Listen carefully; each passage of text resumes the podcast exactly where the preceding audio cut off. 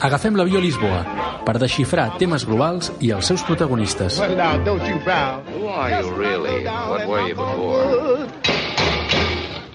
Hola, sóc en Víctor Puig per l'avió a Lisboa, l'espai de política global de Casablanca.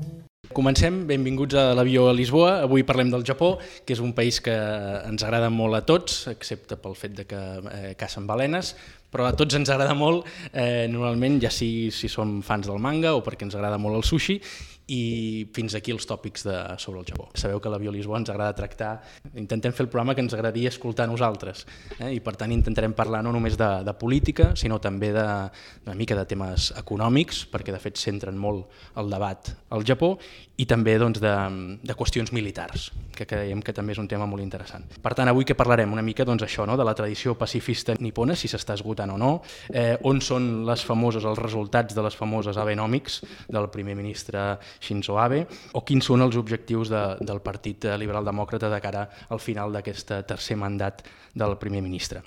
Per parlar de tot això, tenim en Ferran eh, Caballero, que és eh, filòsof, professor de la Pompeu Fabra, i pels que encara no l'hagueu llegit, autor de Maquiavel en democràcia, eh, que a més a més, per parlar del Japó està molt bé perquè hi ha estat, així que sempre és, és convenient doncs, eh, tenir algú que hi hagi estat. També tenim en, en Pol Moles, el nostre expert eh, naval i militar de la Societat d'Estudis Militars, que és una veritable estructura d'estat de la societat civil del país per normalitzar el desplegament d'una de, cultura de defensa. Si encara no el seguiu a Twitter, us ho recomano moltíssim i qui també ha estat al Japó, suposo que més d'una vegada, és el nostre tercer convidat, que jo crec que és el principal expert a Catalunya en, en Japó relacionat amb les relacions internacionals com a mínim, sens dubte. És professor de Relacions Internacionals, eh, és autor d'un manual de política exterior japonesa, professor de la UOC en Lluc López. Lluc, volia preguntar sobre el tema de la Constitució japonesa i quines limitacions s'imposen a partir del final de la Segona Guerra Mundial com a perdedors, sobretot des del punt de vista de l'aspecte militar. Quan el Japó és derrotat a la Segona Guerra Mundial, eh, diguem que les forces d'ocupació, el general Douglas MacArthur, tenia davant seu la tasca de democratitzar el Japó i desmilitaritzar. La van democratitzar, efectivament, amb l'aprovació d'una Constitució el 1946, que entra en vigor al 47, però eh, hi ha un article que el fa especialment interessant, la fa especialment interessant la Constitució, que és l'article 9, i l'article 9 de la Constitució japonesa es diu que Japó mai més tornarà a ser una amenaça per la comunitat internacional i que no li és reconegut el dret de bel·ligerància i perquè això sigui efectiu, a partir d'aleshores mai més tornarà a tenir forces de terra, mar i aire. Això eh, ho pacten els japonesos i els nord-americans a canvi de, si em permeteu l'expressió, salvar el coll del eh, emperador, que efectivament li salven el coll, no va als tribunals de guerra de, de Tòquio del 45 i i en canvi el converteixen en un cap d'estat de, de facto, no? la Constitució així s'hi diu. Però això, junt amb Itàlia, si recordeu, i Alemanya, fa de la Constitució japonesa, aleshores, una Constitució d'un país pacifista, Quina és la diferència amb Alemanya i eh, Itàlia? Que Alemanya i Itàlia han retirat aquest article 9, han reformat les seves cartes eh, magnes, però el Japó no ho ha fet. Segurament és la Constitució més antiga que existeix sense reformar i tampoc ha canviat l'article 9. Uh -huh. um, evidentment això genera, eh, arribats on som i el context d'enduriment mundial, eh, genera moltes pressions perquè hi hagi una transició cap a que l'exèrcit eh, tingui capacitats no només defensives sinó ofensives. Efectivament, tot i que sigui molt explícit a la Constitució i que digui que mai més tornaran a tenir un exèrcit, el 1954 s'aprova la llei de creació de les forces d'autodefensa què diu eh, el Partit Liberal Democràtic del Japó, que és el partit que governa des del 55? El que diuen bàsicament és que la Constitució diu que no poden tenir unes forces d'exèrcit, però sí unes forces d'autodefensa, perquè així ho recull l'article 51 de la Carta de Nacions Unides, que és el dret que té tota nació a defensar-se. Per tant, és un estat pacifista, però lleugerament armat. Uh mhm.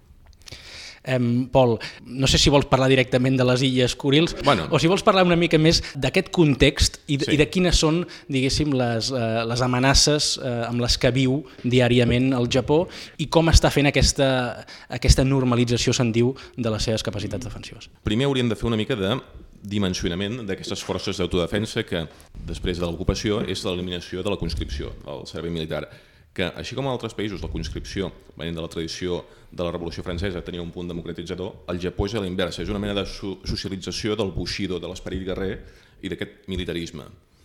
Avui en dia, en canvi, les eh, forces japoneses, la suma d'aquestes fan uns 247.000 efectius, més uns 8.000, que és molt poc, de reserva, que és un 0,2% de la població. I la despesa en prou feines arriba a l'1%, tenim present que l'economia del Japó és enorme cosa que li situa més o menys a la dimensió del que seria en despesa en defensa del que seria Rússia o el Regne Unit. Menys el nom, uh -huh. ho té tot. bueno, més això i les armes nuclears, uh -huh. també és un punt important. Al marc d'avui en dia, quan es parla del rearmament japonès, això ve enrere més o menys de l'any 97, és quan s'aprova en el llibre blanc de la defensa anual o bianual que, que es va fent, canvia el focus d'un focus d'autodefensa més local, de preparar-se per una possible invasió, aquest cas en el seu moment es pensava en una invasió soviètica, a passar un focus més regional. Tot i que no és un plantejament agressiu, en cap moment és explícit en això, el fet de que els Estats Units, d'una banda, redimensionat a la baixa les seves forces després del caiguda de l'URSS i alhora n'estan retirant, fan veure que el Japó ha d'agafar una mica les regnes de la situació perquè tinguem present que com a nació illenca que és, i sense recursos eh, energètics com és el petroli, tot ve per mar. Alhora depèn fortament de les exportacions. Si tenim present que totes aquestes rutes passen a més paral·leles per les mateixes línies que passen les rutes xineses, home, eh, no tenir això present és com a mínim negligent.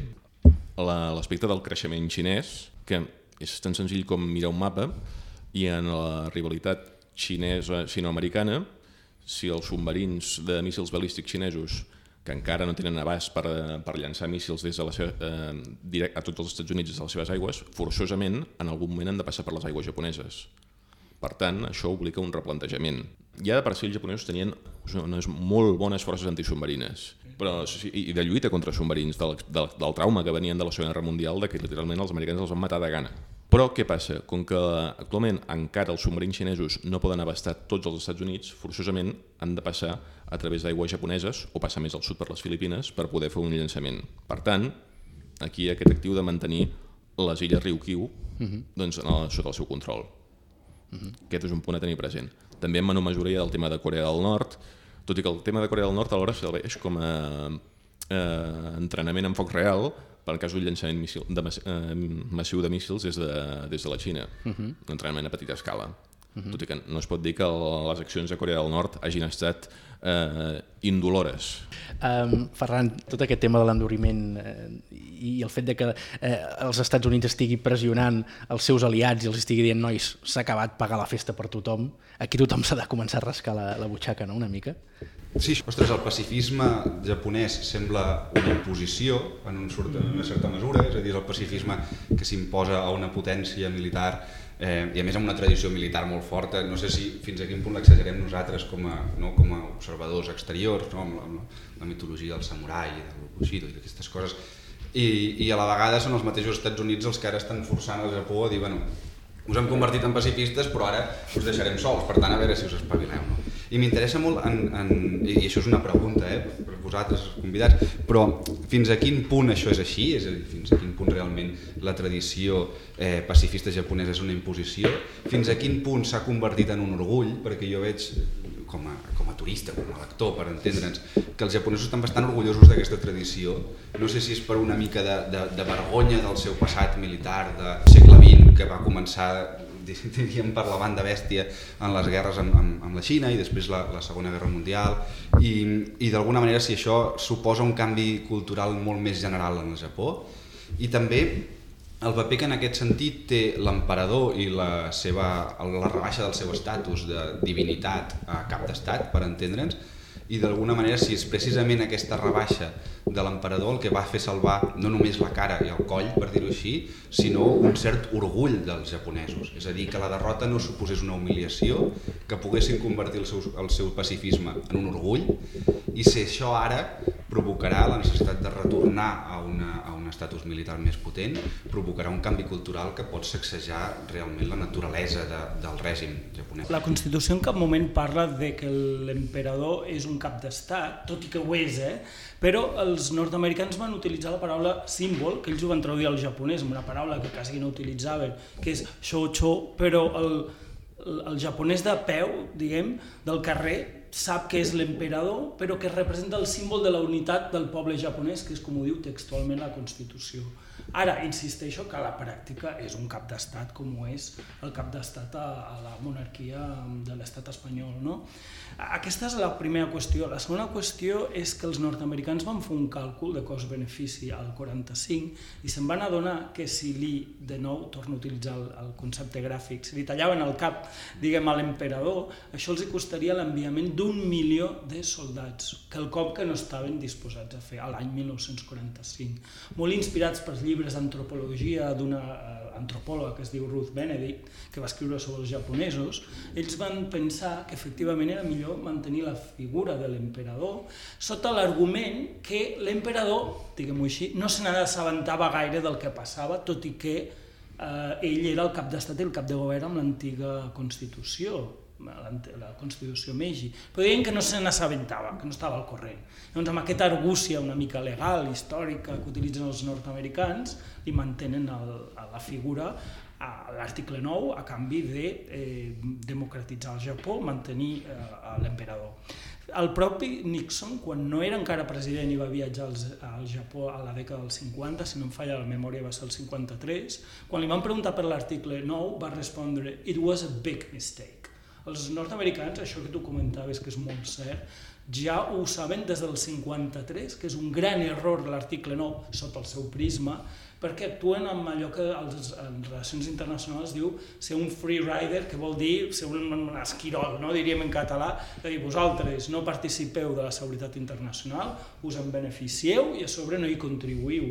I de manera sistemàtica els estan acusant de free riders des de ja als 50, a Vietnam, a la guerra d'Iraq del 90, quina és la resposta, i amb això acabo i lligo l'altra pregunta, quina és la resposta que donen eh, les autoritats japoneses? Nosaltres tenim un article nou que ens va obligar vosaltres a signar i no podem participar en guerres. Ens podem defensar, tenim el dret a l'autodefensa individual, però no la col·lectiva, que es forma part d'aliances.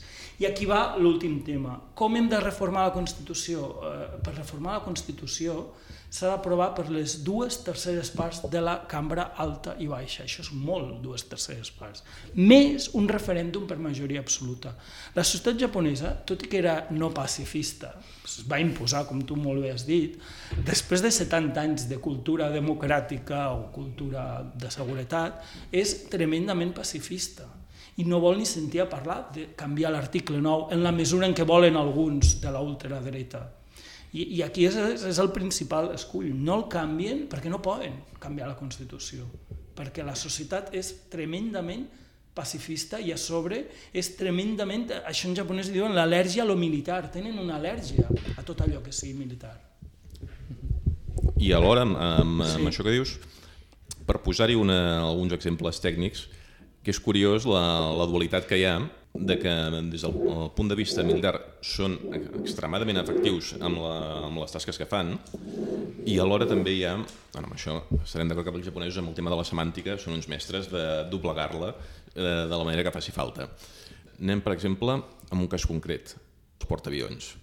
Allò que deies al principi de, del tema de que són les capacitats ofensives. Bé, un portaavions tu planteges i dius, sí, no? Pinta com una cosa ofensiva. ofensiva. Val.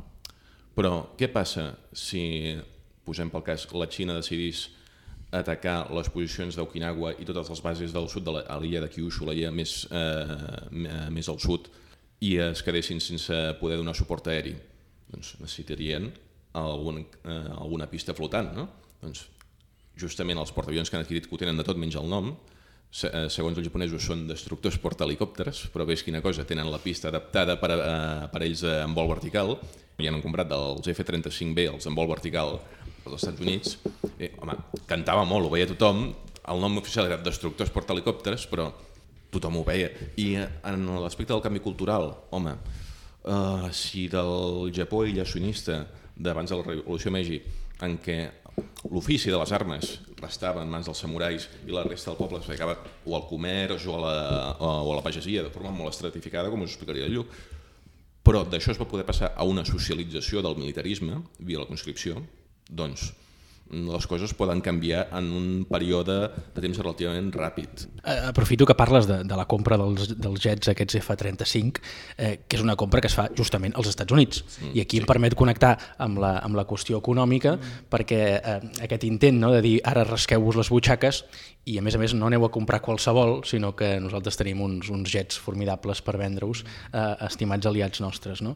Però a la vegada s'està vivint una guerra comercial no només entre els Estats Units i la Xina, sinó que també eh, els Estats Units està apretant a altres països, no només a la Xina, com per exemple al Japó i doncs, jo voldria que parléssim una mica d'això, no? d'aquelles famoses eh, Abenomics eh, que, que van fer, doncs, va fer famoses en el seu moment, amb el, seguint el nom del, del propi primer ministre, i després ara s'hi sumen aquesta guerra comercial amb Corea del Sud, que fa uns cinc mesets que, que, que dura, i alhora amb aquesta negociació amb els Estats Units que vol imposar un 25% de tarifes en, en els vehicles no? eh, japonesos. No?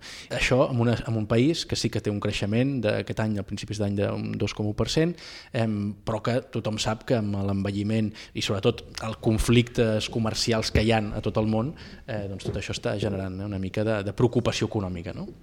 La Bebenomics, efectivament, eh, és la política econòmica estrella de Shinzo Abe a partir del 2012. Recordem que Shinzo Abe ja havia estat primer ministre i va durar mm, exactament 12 mesos, va haver de renunciar al càrrec, li va agafar un atac de cor, eh, senzillament la població li va dir que s'estava dedicant massa als temes militars, als temes de seguretat, als temes de política exterior i que no se n'encarregava del que diuen els anglesos de bread and butter, no? dels temes que importen als ciutadans i ell, com que això ho va entendre molt bé, va fer una d'aquelles dels retorns més inesperats segurament de, de, dels, dels països que coneixem, d'un polític que retorni, va tornar el 2012, llavors com que se n'havia donat del seu error, es va centrar molt en l'economia, tot i que ell en el cap té molt clara l'agenda política i l'agenda militar. Hem de, hem de recordar, per cert, un petit detall, que l'avi del Shinzo Abe va ser ministre d'Economia per aproximadament al 41. Eh? Ja us podeu imaginar en quin període. I també es va, de fet, salvar de la purga en el 45, i no només es va salvar de la purga, un ministre d'Economia, eh? de l'època de Tojo, eh? de quan els feixistes estaven al govern, sinó que a partir del 57 va esdevenir primer ministre que va ser el que va renegociar el Tractat de Seguretat amb els Estats Units.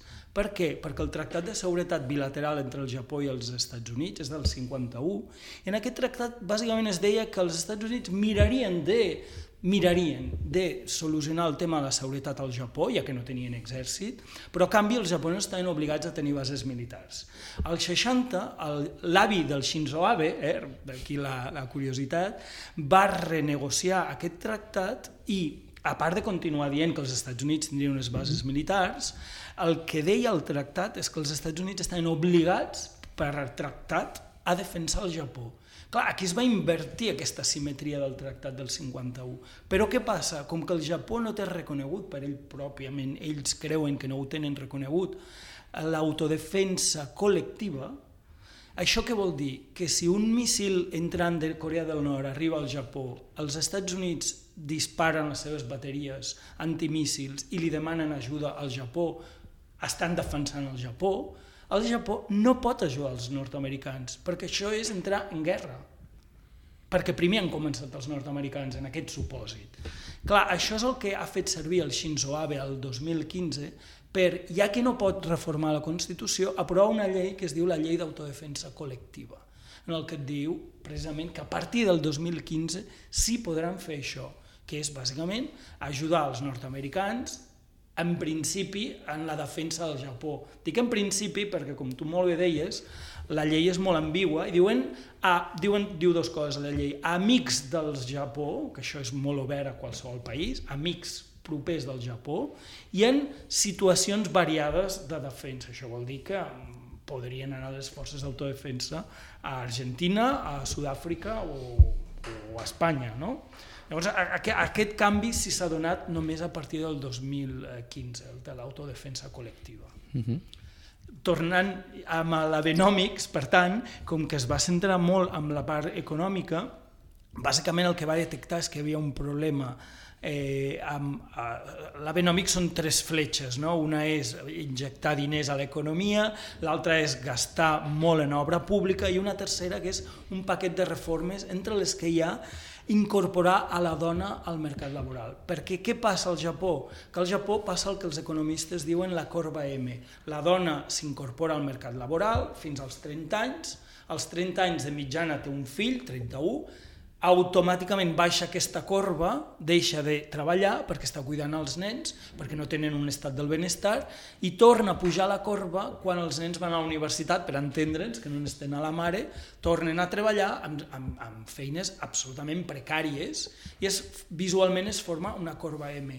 Clar, hi ha un greu problema amb la dona, perquè qui era infermera, per posar un exemple, Uh, quan tenia 30 anys, ara no és infermera, torna a, a, a treballar en un súper, un supermercat, tot i que és una mà d'obra molt qualificada. Si el problema de les dones li afegeixes que no hi ha immigració, o que la que hi ha és molt poca i no, diguem, no tenen fills amb japoneses, amb, amb japonesos, estem parlant de que el Japó és la societat més envellida del planeta i tenen un greu problema, perquè no saben qui pagarà les pensions d'aquí 30 anys. I d'aquí aquesta taxa sobre la, la consumissió, el que seria l'IVA nostra, Sí, que volen pujar del 8 al exactament. 10 i que fa anys i anys que, que posterguen i que no acaben d'aplicar. No? Sí. Eh, sembla que ara ja sí, sí, Sí, ho hauran sí, de fer, el van no? aprovar, sí, sí. Ja, ja, ja. L'últim cop que vaig anar al Japó... Ja el van aprovar. Aquest estiu ja hi havia el 10%, que per ells és molt, però en principi era per fomentar mesures d'inserció de la dona al mercat laboral, d'ajudes a les famílies, no està funcionant. No la dona japonesa està molt estressada literalment perquè ha de cuidar dels fills i dels avis i dels sogres i dels pares. Eh? Una població que està molt envellida. Eh? Mhm. Pares, sogres, fills... Per tant, no té cap incentiu de casar-se. Cada vegada tenen més, menys fills. Mhm. perquè no tenen incentius, no té l'estat del benestar. I el Shinzo Abe no ha pogut solucionar això. Mhm. En aquest sentit, eh, Sí. això que deies de hi ha poca immigració, hi ha poca immigració per una, per una qüestió que no s'incentiva per una cosa que és pràcticament racista, o hi ha poca immigració perquè hi ha poca atracció? Ho dic perquè hi ha, hi ha, una, certa, hi ha una certa idea que la societat japonesa sí que és una societat eh, una mica tancada culturalment també Sí. a la immigració, no? És a dir, no sé si ens trobem una mica com en la situació militar, que és que necessiten un canvi de cultura per adaptar-se a les seves necessitats econòmiques i que això afecta alguna cosa que és una identitat nacional bast bastant peculiar i fins i tot racial, no? En, no sé si, no, no ho dic com a acusació, És eh, que però com a crec que ho pregunta, has donat eh, en la clau. Jo més que racista, després de viure allà dos anys i et trobes en molts episodis, algun de racista me n'he trobat, eh? senzillament perquè estava parlant un altre idioma diferent, però molt puntual. Eh?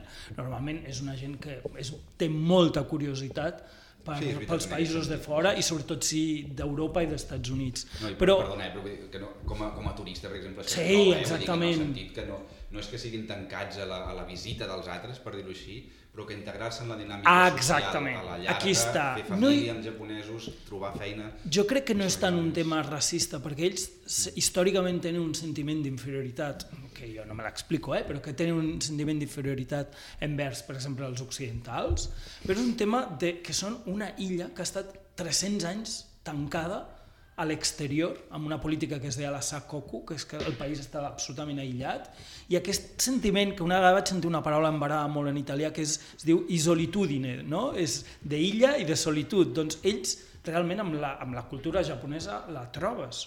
A, això al Japó moltes vegades et, a, com a estranger et juga a favor, perquè hi ha una expressió que traduïa al català eh, quan algo fas malament, dius perdó, és que sóc estranger, i ells diuen ah, d'acord, ja ho entenc, no? ets estranger. Et juga a, a favor, però si una persona de fora vol integrar-se a la societat japonesa, com a un altre japonès, això pràcticament no correrà mai, fins i tot que parlis perfectament l'idioma, perquè ells tenen molt clares les diferències racials. Són una illa, són japonesos, són aquesta raça, i després hi ha la resta del planeta. mm? Llavors, fins i tot estic parlant de més de 800.000 coreans i més de nou- més d'un milió de xinesos que han nascut al Japó, però que no són de nacionalitat japonesa, ho eren els seus pares, els, eh, els xinesos o els coreans o els seus avis. Però ells, malgrat haver nascut al Japó, al Japó estan considerats estrangers. Llavors, eh, hi ha un xoc, hi ha un xoc, és un tema cultural, també, també és un tema cultural, que més que racisme, jo insisteixo, diria, és una societat bastant tancada a, a, a, a obrir-se a que la societat sigui heterogènia. No, no estan acostumats, mai ha passat això. Volem parlar una mica, per acabar, del, per acabar de tancar el cercle, aquest tema de la transició cap a no, la normalització militar i quin paper juga a l'extrema dreta en això i sobretot, eh, abans parlaves de, de, del passat familiar del propi primer ministre sent d'un partit de, de centre-dreta democràtic, eh, passa com a, com a Espanya, que, el, que durant molts anys eh, l'extrema dreta estava dintre del PP? Amb el tema de l'extrema dreta al Japó, el tema de, dels crims de guerra japonesos, anem al tema, els crims de guerra japonesos, començant per Corea, es parla molt de la Segona Guerra Mundial, però és que l'ocupació de Corea és del, del Tractat de Shimonoseki del 1895. A banda que històricament Corea era l'enemic, el rival eh, històric. Tot aquest seguit de crims de guerra que es van acumulant durant aquests 50 anys ben bé de borratxera imperialista, no es fa una purga total, per la part eh, xinesa, sobretot, hi ha una instrumentalització d'això, que, que és molt problemàtic. Uh -huh. Quan fas enginyeria social pot ser que la cosa acabi patant per una altra banda. Mm. I això s'han explotat molt a la Xina. Sent certs, eh, la, la major part dels crims que, se, que se li atribueixen al Japó durant la Segona Guerra Mundial i l'ocupació tant de Taiwan com de, com de Corea. Què passa? Que et trobes aquí de que hi ha gent que, bueno, si vas allà al santuari de Yasukuni sempre hi veus el grupet allà amb el vestit imperial de, de, de l'uniforme imperial, com, com si fossin allà els de l'Associació de Legionarios. Crec que estaria interessant dir què és Yasukuni, eh? perquè igual els sí, oients sí, sí, no saben què el, significa. És el temple on, ha, on s'acullen les ànimes dels soldats caiguts pel Japó, també hi ha el, els soldats enterrats, però a veure, no, vin, no vindria a ser el Valle de los Caídos, no, perquè, no. però bueno, és més mono, però, però conceptualment eh, ve ser això. I clar, quan van allà a fer homenatges, Clar, allà també hi ha criminals de guerra. 14 criminals de guerra. Exacte. I això fins ara doncs, es portava d'aquella manera, però quan han dit anem a normalitzar-ho no, això és una cosa del passat, doncs uh, això va aixecant, va aixecant ampolles amb raó. Mm -hmm. Així tot, em sembla que va ser el cap d'estat major de l'aviació japonesa que va intentar minimitzar els crims japonesos durant la Segona Guerra Mundial, va ser cessat del càrrec, uh, si no recordo malament, el 2009 va haver-hi un escàndol per això i el van cessar. No obstant, aquest, uh, aquest element de mirar de minimitzar aquest paper, o tot i que hi ha hagut disculpes, ara, mm, a mi personalment em preocupa no, no només la normalització de, o la negació dels crims de guerra, em preocupa també en el cas de la Xina la instrumentalització d'aquest sentiment i com això en un país d'1.300.000 habitants, si vas eh, encabronant la gent uh -huh. en situacions de crisi, com ho desactives això? Uh -huh. Sí, jo sobre això de l'extrema dreta voldria dir que, bueno, no, em sembla malament el símil, de fet l'extrema dreta no està present com a tal al Parlament japonès, però sí que dins el Partit Liberal Democràtic, que és el que en, en, en ciència política diem que és un catch-all party, no? que és un, un partit aglutinador de gent d'esquerra, dreta i del centre, com a bon partit catch-all també hi ha una part que és eh, de la família de l'extrema dreta, que algunes vegades fan un intent de fer un partit, però que mai acaba de ser un partit rellevant. De fet, els, els japonesos, diguem que no... Com ho diria? Diguem que sempre dic el mateix, dic que l'extrema dreta al Japó són molt pocs, però fan molt de soroll i estan molt ben connectats. De fet, ells tenen una associació que es diu l'Associació cap al Nou Japó, cap a la nova història del Japó, perdó, que és una associació revisionista sobre tot el que va, sobre tot el que va passar al a, a, a l'Àsia. Per exemple, diuen que les esclaves sexuals coreanes no eren esclaves, eren prostitutes, diuen que la massacre en Nanjing va ser una exageració de la història, o que diuen que no estan provats els casos d'utilització de gas i químics a la Xina. Petit detall, el president d'honor d'aquesta associació era el Shinzo Abe Clar, eh, sí que en són pocs i el japonès de, del carrer sent molta vergonya d'aquesta extrema dreta, però insisteixo de lo ben connectats que estan. Eh? Llavors, per una banda això, per l'altra, absolutament d'acord, la instrumentalització que fa la Xina és eh, bestial, a vegades fins i tot ha incitat eh, i això no ho dic jo, ho diuen els fets, ha incitat a la població a manifestar-se davant de, de consulats japonesos per temes relacionats amb problemes de, de la interpretació de la història i a vegades se'ls ha anat de les mans, eh, aquestes manifestacions. sí, sí. Efectivament, eh, empreses, a restaurants... Els, els, com tu dius, està basat en fets absolutament verídics d'un passat imperialista, mm, no sé quina seria la paraula, eh, però que ens fa avergonyir a tots del Japó. Però clar, eh, llavors el que diuen els xinesos és que no han demanat perdó. Jo quan que tinc molts estudiants xinesos de, de màster, sempre els hi faig aquesta pregunta, dic, el Japó ha demanat perdó pels crims? I mai he trobat ni un sol estudiant que em digui sí. La resposta 100%, perquè és el que han sentit, el que han vist repetit, és que no. I jo els hi demostro que el Japó en declaracions oficials, inclòs l'emperador, ha demanat perdó en més de 30 vegades. Sí que és veritat que si és el Shinzo Abe qui demana perdó, que és el mateix president que de l'associació revisionista, els xinesos poden dir, home, demana perdó, però, mm, com diuen els japonesos, de, del, del cor, kokokara, des del cor no ho està dient. Potser tenen raó, eh? aquí ja no m'hi poso. Però oficialment el govern del Japó s'hi ha demanat perdó. I l'altra cosa que diu el govern del Japó és, de la mateixa manera, el tema del Yasukuni. Jo crec que és bastant lamentable que algun primer ministre al Japó vagi al santuari Yasukuni, on hi ha 14 criminals de guerra de tipus A, a posar floretes. Però a sobre ho és que vagin el 15 d'agost, que és quan acaba la Segona Guerra Mundial, no, no agafen dates casuals. I clar, la qüestió que és que el govern del Japó el que diu és nosaltres tenim el dret en política domèstica a fer el que vulguem, igual com vosaltres. Llavors els hi responen, oi que no expliqueu el que va passar el juny del 1989 a la plaça de Tiananmen a les escoles? Doncs no ens vingueu, vingueu a nosaltres a dir que hem d'explicar a classe d'història. No? Llavors, al final, tot això que veiem segurament és un dels aspectes més importants perquè el Japó i la Xina no tinguin unes bones relacions, que és el tema de la història, precisament el que han solucionat francesos i alemanys. M'interessa en aquest sentit el fet de que, de que Shinzo Abe sigui durant tants anys primer ministre i a la vegada sigui representant del que semblaria una minoria cultural d'extrema dreta o aquest revisionisme, no sé si es pot dir minoritari, però eh, vol dir que d'alguna manera aquest és un tema que no importava gaire? És a dir, que, que Shinzo Abe no se li tenia gaire en compte perquè simplement no era un, un tema de l'agenda, se considerava que era la seva història potser familiar o les seves, les seves coses, no sé si diran una mica friquis personals amb la història, sí. i això pot significar que, que comenci a ser un problema per necessitats militars, per necessitats de canvi cultural i de canvi polític, eh, pot posar en dubte, per dir-ho així, fins i tot el sistema democràtic japonès com s'entén ara? Pot, pot, arrelar, pot, pot ser tan significatiu com això o, o no? Només és una...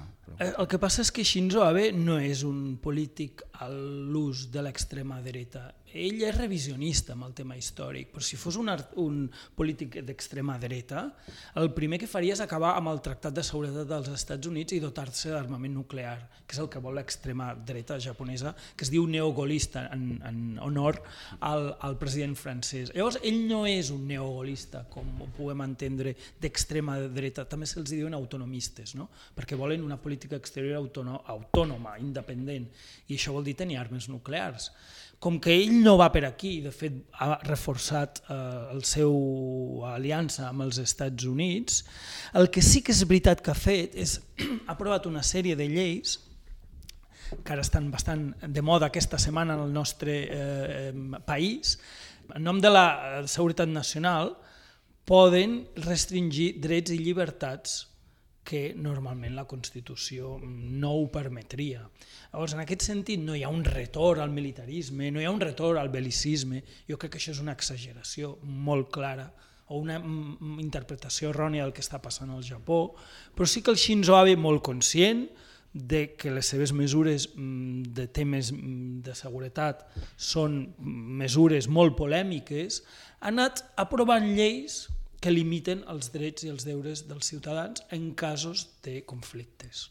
És per evitar contestació social o en, en quin sentit? És? Jo no ho sé perquè ho aprova el Shinzo Abe. Ell diu que és per si ve una guerra amb Corea i amb Corea del Nord i amb Xina. Però clar, també tinc el dubte, què passaria? Tinc el mateix dubte. Un petit punt, no tant en relació amb això, sinó amb el punt aquell que assenyalàvem abans de les illes Ryukyu, i que no hem parlat de Taiwan, mm -hmm. en aquest cas de la relació a tres. en cas que s'esdevingués un conflicte mm. entre la Xina continental i, ta i Taiwan, l'atac a la cadena d'illes Ryukyu és pràcticament ineludible. Enca eh, malgrat que la Xina vulgui evitar de totes totes un atac al Japó perquè això aniria encadenat amb el que vinguessin els americans, des d'una perspectiva operativa, per tal de bloquejar Taiwan, eh, prendre les illes Ryukyu va amb el pack, eh? Uh -huh. Un altre dia, si voleu, parlem de submarins, però... Molt bé. Doncs eh, fins aquí el, el programa d'avui. Eh, moltíssimes gràcies als tres convidats per, per aquesta conversa. Qui vulgui aprofundir més, doncs eh, té aquest manual i el, tots els papers que, que escriu el, el professor López. Eh, gràcies per, per seguir l'avió a Lisboa. Us animo també a que, això no us ho he demanat mai, però us animo a que a través doncs, de les aplicacions de, per escoltar el podcast o a través de, de Twitter que feu comentaris o feu suggeriments sobre altres programes que, que vulgueu escoltar o sobre el format que, que més us agrada. Jo us ho agrairé molt, us agraeixo aquesta lleialtat d'escoltar de, aquest eh, modest podcast. Us esperem a la, a la propera i posem, posem la musiqueta. Moltes gràcies. How much trouble? Too much trouble. Well, now, don't you frown. Just knuckle down and knock on wood. Who's unhappy?